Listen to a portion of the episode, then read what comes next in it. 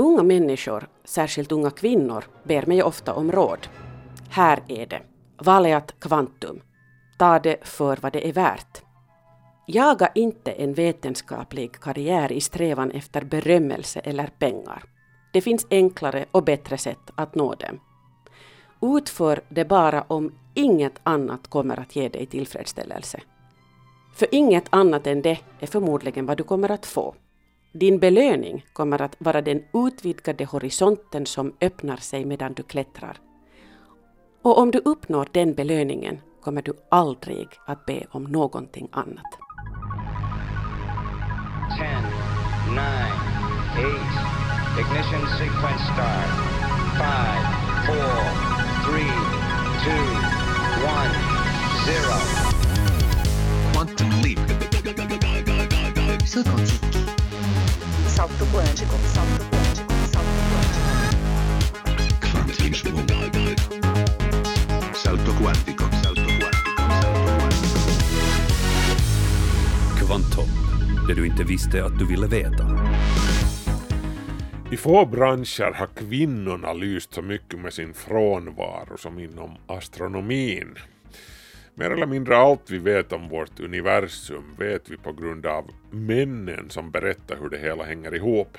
Isaac Newton, Galileo Galilei, Edwin Hubble, Albert Einstein och så vidare.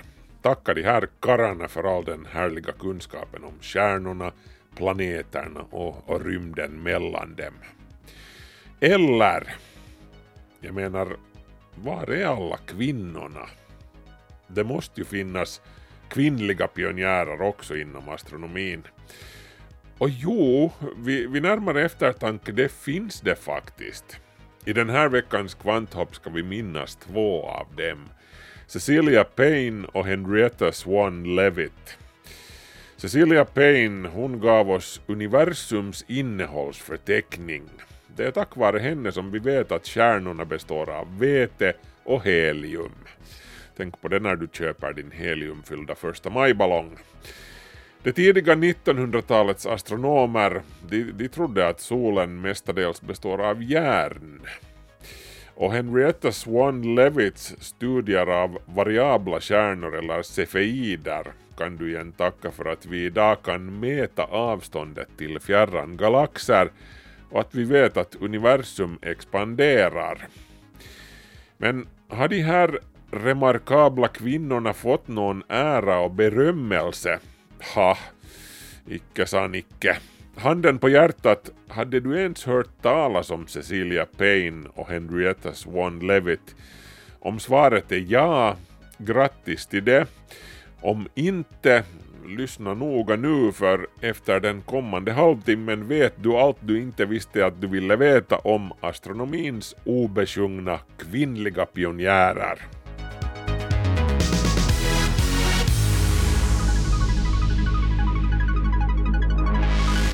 Välkommen till Kvanthopp, jag heter Markus Rosenlund.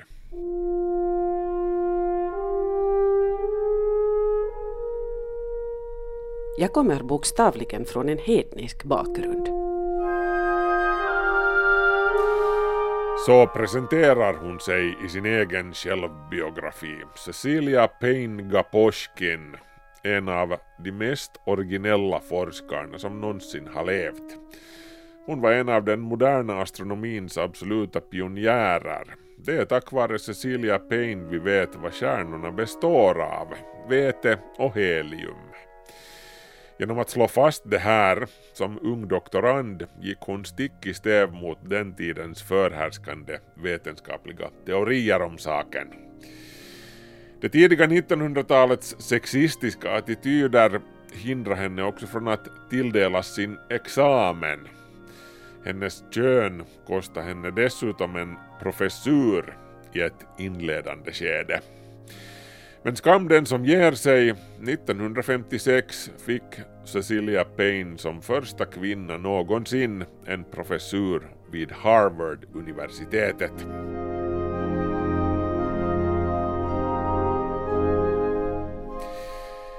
Cecilia Payne föddes den 10 maj 1900 i Wendover i Buckinghamshire, England. Hennes mamma kom från en prominent preussisk släkt och hennes pappa var en framgångsrik historiker och jurist i London. Pappan dog då Cecilia var fyra så mamman fick axla ansvaret för familjens tre barn. Den unga Cecilia visste tidigt att hon ville bli forskare. Som åttaåring fick hon sin första stora vetenskapliga aha-upplevelse. Hon lyckades identifiera en biorkidé från sin mors resor till den italienska rivieran.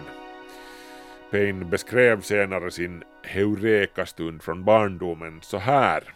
För första gången upplevde jag den där känslan då hjärtat hoppar till av en plötslig insikt. Känslan som skulle komma att bli min passion i livet. Jag tror att mitt liv som forskare började just i den stunden. Cecilia skrevs in på en privatskola i Wendover som drevs av en viss Elizabeth Edwards. Studierna gick på det hela taget helt okej, okay, men Cecilia var vänsterhänt och på den här tiden tvingades vänsterhänta använda sin högra hand när de skrev och så vidare, vilket Cecilia upplevde som svårt och obekvämt. De många och långa obligatoriska timmarna med psalmsång och böner föll inte heller Cecilia i smaken.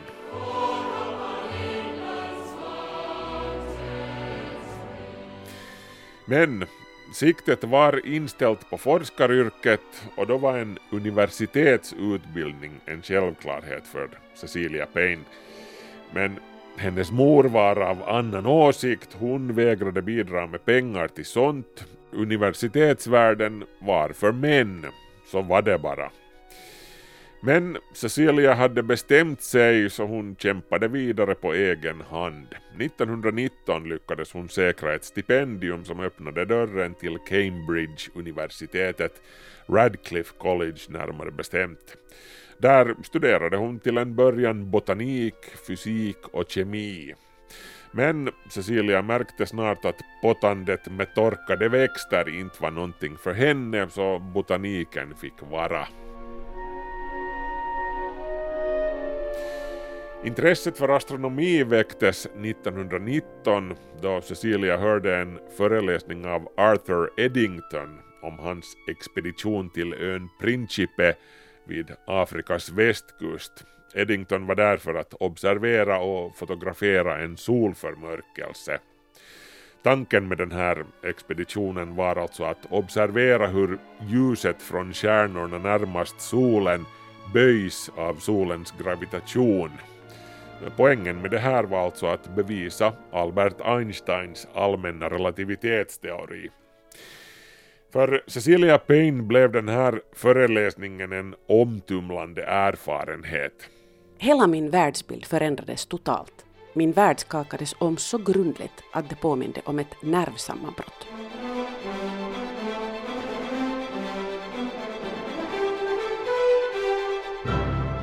Payne fullföljde sina studier vid Cambridge fast lätt var det hur som helst inte. Hon fick till exempel sitta ensam eftersom hon inte var tillåten att sitta i samma bänkrad som de manliga klasskamraterna.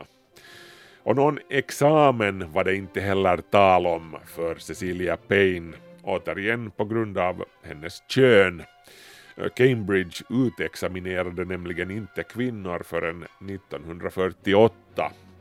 Så i praktiken var det ett lärarjobb som var det enda möjliga karriärvalet för Cecilia efter det här och det kände hon inte för. Det var forskaryrket eller ingenting för henne. Så Cecilia Payne insåg att det enda alternativet var att söka sig till USA där man var mer progressiva rörande kvinnors karriärmöjligheter. Nå, i och för sig inte värst mycket, men i alla fall.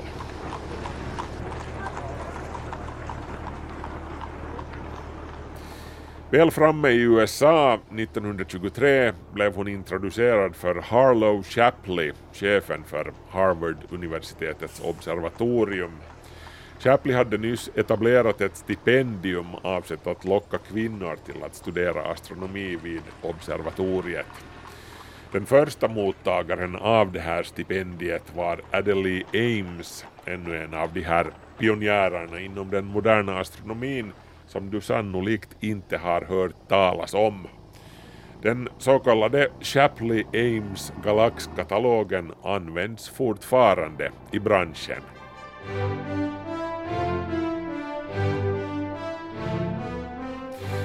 Nåjo, jo, Cecilia Payne hon var alltså den andra kvinnan i ordningen som tilldelades Harlow Shapleys stipendium och i och med det hade hon fått in foten i dörrspringan på Harvard-universitetets prestigefyllda observatorium.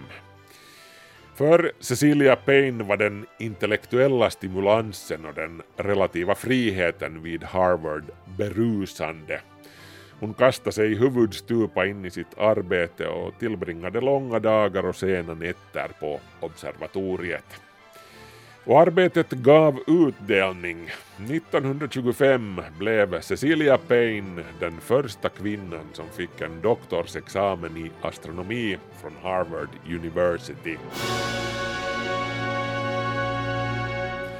I sin avhandling fäste hon uppmärksamhet vid överflödet av vissa specifika grundämnen i ljusspektrumet från stjärnorna.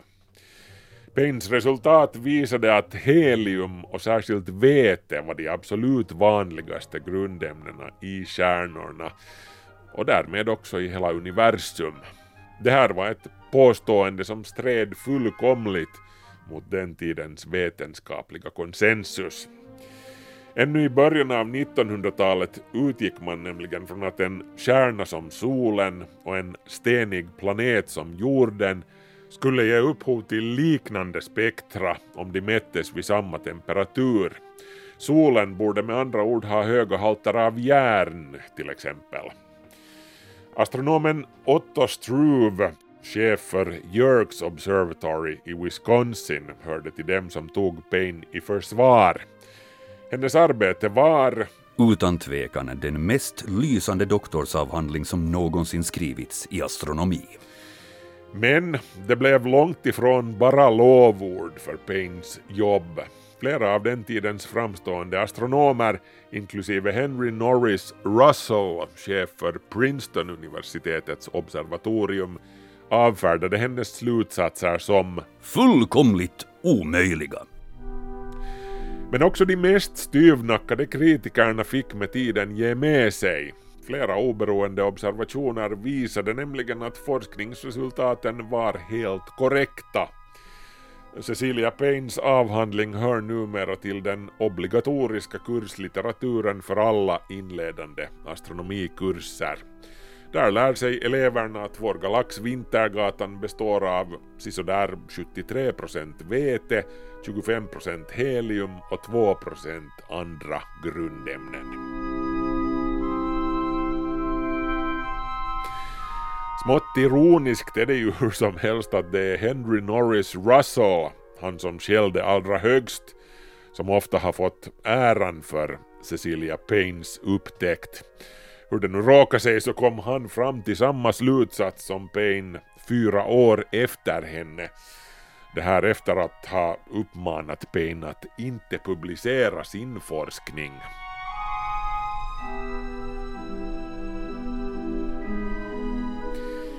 Efter sin doktorsexamen fick Cecilia Payne nöja sig med en mängd mindre prestigefyllda, lågavlönade forskningsjobb. Det här eftersom kvinnor inte fick sitta med i Harvard-akademin vid den tiden. Hon träffade sin man, Sergej Gaposchkin, under ett besök på Astronomische Gesellschaft-mötet i Göttingen 1933. Äktenskapet sträckte sig över fyra decennier och makarna producerade förutom tre barn också travar av manuskript och böcker om kosmos.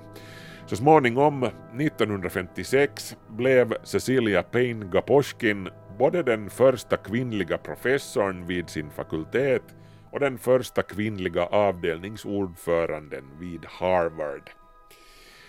Redan innan det här 1943 invaldes hon i den amerikanska vetenskapsakademin AAAS, American Academy of Arts and Sciences.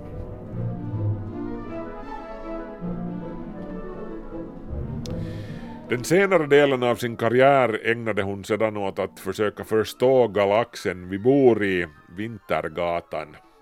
Tillsammans med sin man och ett team med forskare gjorde hon mer än en miljon observationer av så kallade variabla stjärnor i Vintergatan. Cefeider kallas de också. Och dessutom uppemot två miljoner observationer av variabla stjärnor i de Magellanska molnen, Vintergatans små satellitgalaxer.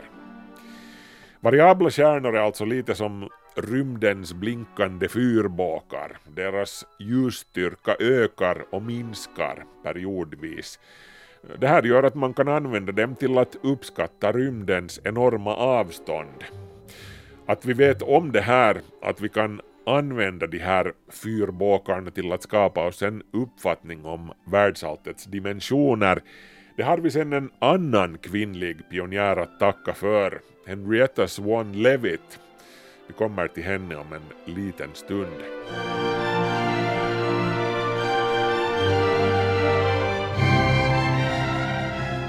Cecilia Paynes forskning blev hur som helst med tiden en viktig pusselbit i kunskapen om stjärnornas livscykler. Och 1976 tilldelade American Astronomical Society henne sin högsta ära, Henry Norris Russell-priset. Priset var uppkallat efter samma Henry Norris Russell som en gång skällde ut Cecilia Paynes doktorandarbete. Men priset innebar hur som helst ett erkännande av ett strålande livsverk inom den astronomiska forskningen. I sitt acceptanstal reflekterade Cecilia Payne Gaposchkin kring den här spänningen i upptäckten som hon hade jagat ända sedan hon kände igen den här orkidén som en liten flicka. Den unga forskarens belöning är den känslomässiga tillfredsställelsen av att vara den första personen i världshistorien som ser eller förstår något. Ingenting kan jämföras med den upplevelsen. Cecilia Payne Gaposchkin dog i Cambridge 1979. Nära slutet av sitt liv skrev hon så här. Unga människor, särskilt unga kvinnor, ber mig ofta om råd. Här är det. Valeat kvantum. Ta det för vad det är värt. Jaga inte en vetenskaplig karriär i strävan efter berömmelse eller pengar. Det finns enklare och bättre sätt att nå dem. Utför det bara om inget annat kommer att ge dig tillfredsställelse. För inget annat än det är förmodligen vad du kommer att få. Din belöning kommer att vara den utvidgade horisonten som öppnar sig medan du klättrar. Och om du uppnår den belöningen kommer du aldrig att be om någonting annat. Ja, vad kan man säga? Väl talat av en av den moderna astronomins pionjärer och obesjungna hjältar. Cecilia Payne och hennes arbete är orsaken till att vi vet vad universum består av och mycket mera. Hon öppnade dörrarna till astronomin för kvinnorna och röjde vägen för framtida generationer av tjejer med siktet ställt mot stjärnorna. Cecilia Payne är förtjänt av att vi minns hennes namn. Och no, nu har jag åtminstone gjort min lilla bit för den saken.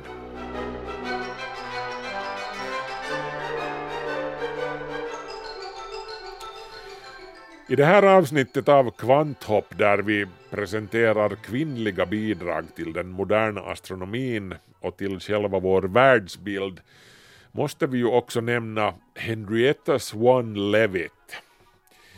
För ett drygt sekel sedan, 1912, gjorde Levitt en upptäckt som skulle bli en av hörnstenarna i modern astronomisk vetenskap.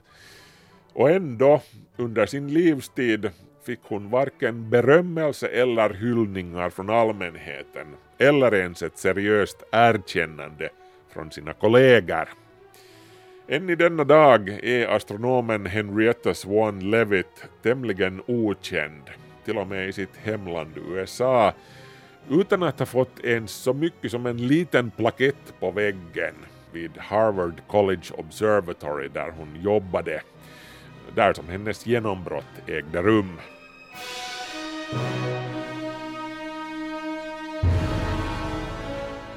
Henrietta Swan Levitt föddes i Massachusetts 1868 och antogs i Radcliffe College vid Harvard-universitetet vid 20 års ålder.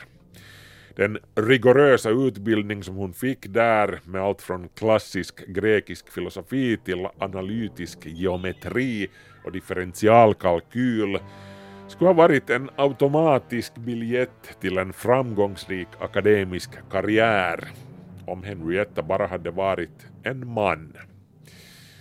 Dessvärre, när Levitt tillträdde vid Harvard-observatoriet 1893 var det inte som en astronom, inte ens som yngre astronomisk forskare utan som en simpel inom citat kalkylator.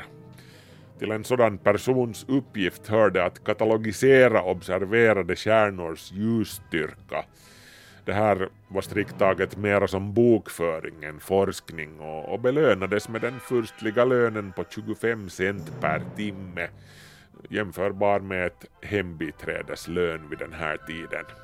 Och det här jobbet som kalkylator var alltså ett typiskt jobb som kvinnor uträttade vid den här tiden. Eh, Levitt arbetade på ett litet smutsigt kontor tillsammans med ett antal andra högutbildade kvinnor. Deras jobb övervakades av professor Edward Pickering. Kollektivt var de här kvinnorna kända som Pickerings harem. Cecilia Payne hörde för övrigt också i början till de här mänskliga kalkylatorerna. Hon skrev senare att Pickering valde sin personal för deras förmåga att arbeta, inte att tänka. Men om Henrietta Swan Levitt någonsin kände att hennes egna talanger inte uppskattades uttryckte hon det i alla fall aldrig. Hon var en hårt arbetande, seriös men tystlåten tänkare hon var hängiven till sin familj och hon gick till gudstjänsten varje söndag. Ehm, sina ambitioner till trots fann hon sig alltså mer eller mindre i den roll som förväntades av en kvinna vid den här tiden. Mycket av hennes astronomiska arbete handlade just om de här tidigare nämnda variabla stjärnorna eller cefeiderna. Det är som sagt en typ av kärna vars ljus ökar och minskar periodvis. Lite som fyrbåkar i rymden som blinkar där. Eh, uh, Henrietta Swan Leavitt upptäckte under sin karriär många sådana stjärnor. Och det här fick Washington Post-tidningen att jämföra henne med Charles Froman, en av tidens teaterproducenter som var känd för att ha lanserat många stjärnor. Men den verkliga upptäckten den väntade ännu bakom hörnet. Medan Levitt registrerade och katalogiserade data om sina variabla stjärnor märkte hon att det var möjligt att göra en korrelation mellan en variabel stjärnas period och dess absoluta magnitud. Cefeidernas absoluta ljusstyrka kan alltså uppskattas med stor noggrannhet om man känner till deras perioder. Och det här har kommit att spela en avgörande roll för att beräkna avstånd i universum. Och den upptäckten gjordes alltså av Henrietta Swan Leavitt 1908 när hon undersökte cefeider i det lilla Magellanska molnet, en av Vintergatans små satellitgalaxer. Med andra ord, med ens hade vi det första redskapet någonsin till att beräkna stjärnornas och galaxernas avstånd från jorden. Som George Johnson, författare till boken Miss Levitts Stars, uttrycker saken. Henrietta Swan Levitt blev kvinnan som upptäckte hur man mäter universum. Levitts upptäckt gav med tiden berömmelse och ära åt många av hennes kollegor utan hennes pionjärarbete kunde Edwin Hubble till exempel aldrig ha kunnat bevisa att Andromedagalaxen inte låg vid utkanten av vår galax som man tidigare trodde, utan miljontals ljusår bort. Några av männen i Levids närmaste krets, eh, inte minst hennes chef Edward Pickering, tjänade också på hennes upptäckt. Pickering hävdade som chef för Harvard-observatoriet upphovsrätten till Levitts resultat. Så han publicerade dem i sitt eget namn och tog med andra ord en stor del av äran. Harvard-cirkuläret där upptäckten offentliggjordes 1912 hänvisade bara till Levitt som den som hade inom citat förberett det hela. Pickerings efterträdare vid observatoriet, den redan nämnda Harlow Shapley, fick sin bit av tårtan sex år senare. Han byggde vidare på Levitts resultat i sitt jobb att omdefiniera vår kunskap om Vintergatan. Levitt, vars upptäckt var fullkomligt oumbärlig för Chapleys arbete, nämndes än en gång knappt överhuvudtaget.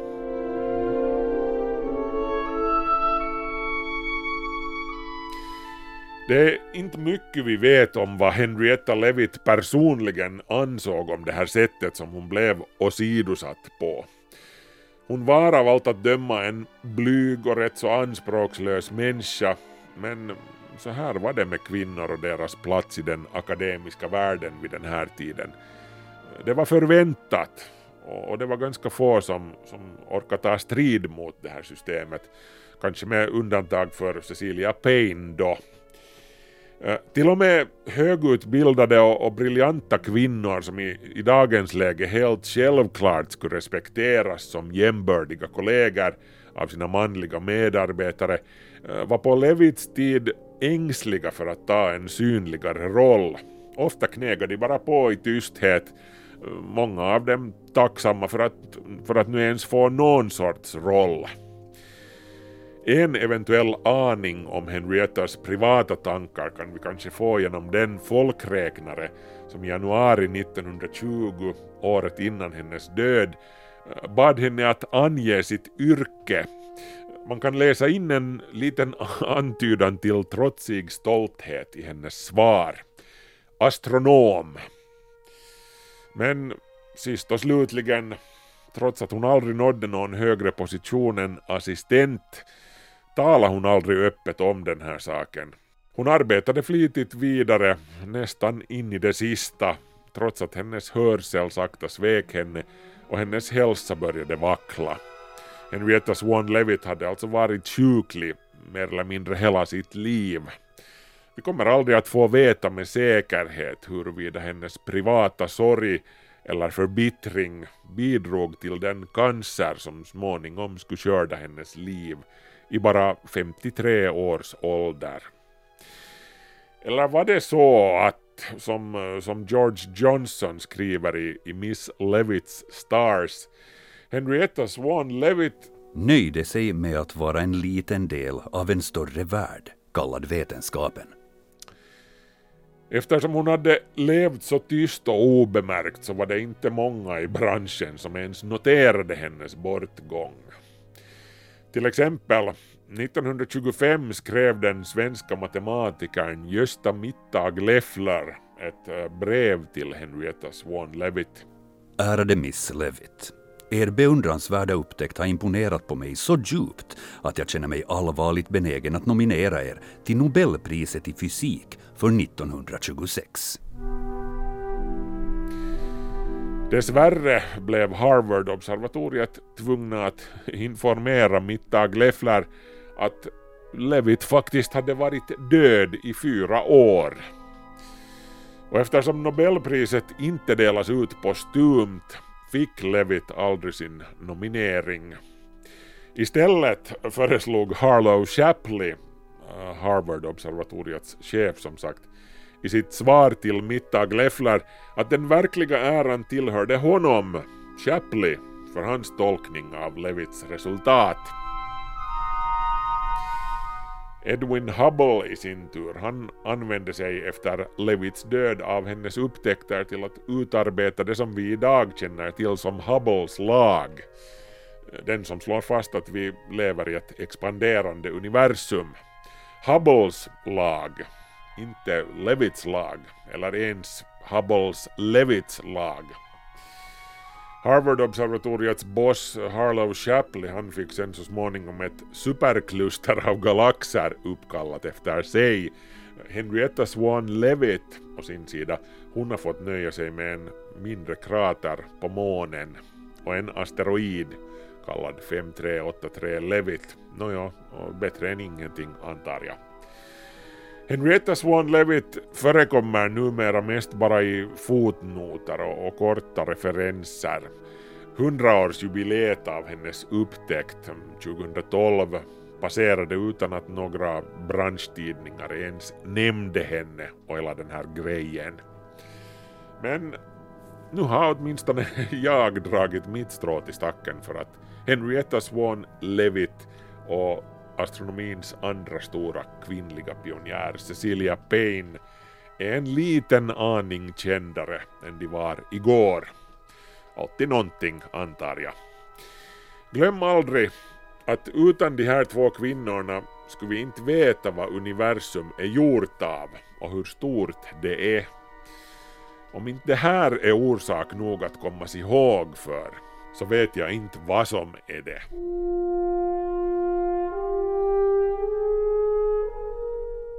Jaha, ser man på, klockan är så pass mycket att det är dags för mig, Markus Rosenlund, att tacka för sällskapet och önska er välkomna igen om en vecka. Ett nytt avsnitt av Kvanthopp hittar ni på Yle Arenan nästa lördag. Och, och ni kan förstås också kontakta oss. kvanthopp.yle.fi är adressen och, och så kan ni också gå in på vår Facebook-sida och, och bläddra lite där och, och kontakta oss den vägen också. Ha det bra tills vi hörs igen. Hej så länge.